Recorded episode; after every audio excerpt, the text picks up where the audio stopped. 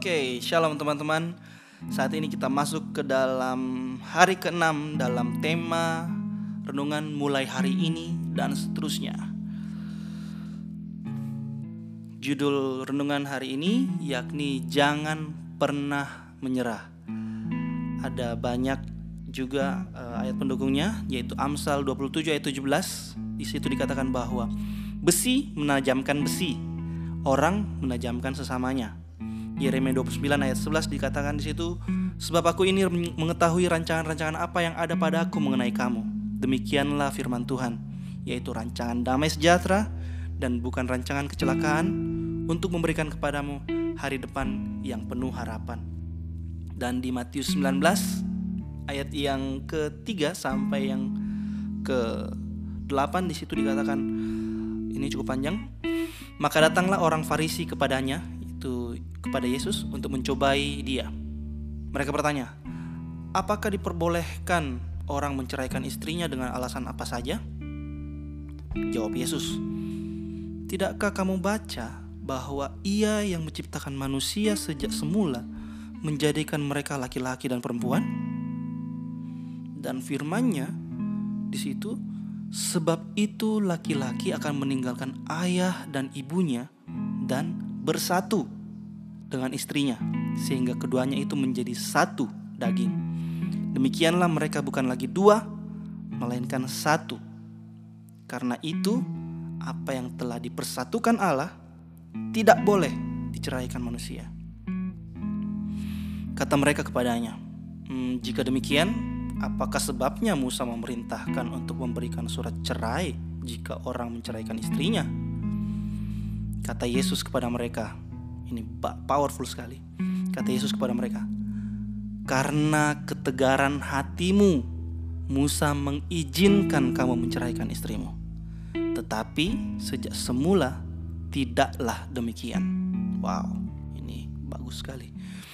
Di ayat, di ayat berikutnya dikatakan 1 Yohanes 4 ayat 8, barang siapa tidak mengasihi ia tidak mengenal Allah sebab Allah adalah kasih. 1 Yohanes 4 ayat 20 juga di situ dikatakan, jikalau seorang berkata aku mengasihi Allah dan ia membenci saudaranya, maka ia adalah pendusta. Karena barang siapa tidak mengasihi saudaranya yang dilihatnya, tidak mungkin mengasihi Allah yang tidak dilihatnya. Kemudian di Galatia 6 ayat 7 sampai 9 di situ dikatakan, "Jangan sesat. Allah tidak membiarkan dirinya dipermainkan. Karena apa yang ditabur orang itu juga yang akan dituainya. Sebab barang siapa menabur dalam dagingnya, ia akan menuai kebiasa, kebinasaan dari dagingnya. Tetapi barang siapa menabur dalam roh, ia akan menuai hidup yang kekal dari roh itu. Janganlah kita jemu-jemu berbuat baik, karena apabila sudah datang waktunya, kita akan menuai jika kita tidak menjadi lemah itu ayat-ayat pendukungnya dan kita masuk dalam renungannya. Saya katakan tadi judulnya adalah jangan pernah menyerah, jangan pernah menyerah. Ketika kita bertukar cincin dan kita berikrar, kita berjanji di hadapan pendeta, di hadapan jemaat, di hadapan Tuhan dan memasuki ikat ikatan perjanjian pernikahan, maka kita mendedikasikan diri kita untuk mencintai pasangan kita sampai maut memisahkan. Tapi apa yang terjadi ketika cinta menjadi kering? Apa yang terjadi bila hanya salah satu dari kita yang memilih untuk membaca rencana Alkitab atau kita membaca renungan-renungan atau bahkan mendengarkan renungan ini?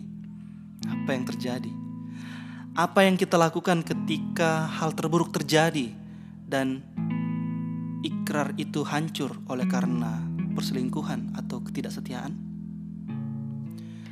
Apa pun yang kita hadapi bila it, bila itu dapat menjadi dasar untuk suatu perceraian, berarti hal itu pun bisa menjadi dasar untuk mengampuni. Saya ulangi. Apa pun yang kita hadapi bila itu dapat menjadi dasar untuk suatu perceraian, berarti hal itu pun bisa menjadi dasar untuk kita mengampuni. Pernikahan adalah salah satu jalan tersulit untuk kita dapat melihat yang dikatakan pepatah besi menajamkan besi. ayat yang pertama tadi.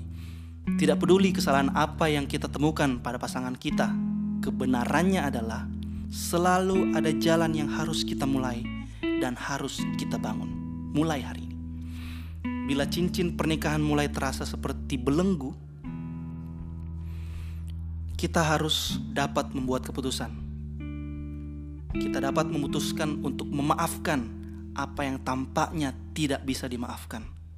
Saya ulangi, kita dapat memutuskan untuk memaafkan, mengampuni apa yang tampaknya tidak bisa dimaafkan, bahkan tidak bisa diampuni. Kita bisa memutuskan untuk menyampaikan kasih karunia yang Tuhan berikan kepada kita untuk pasangan kita. Wow, powerful, powerful sekali ya kata-katanya.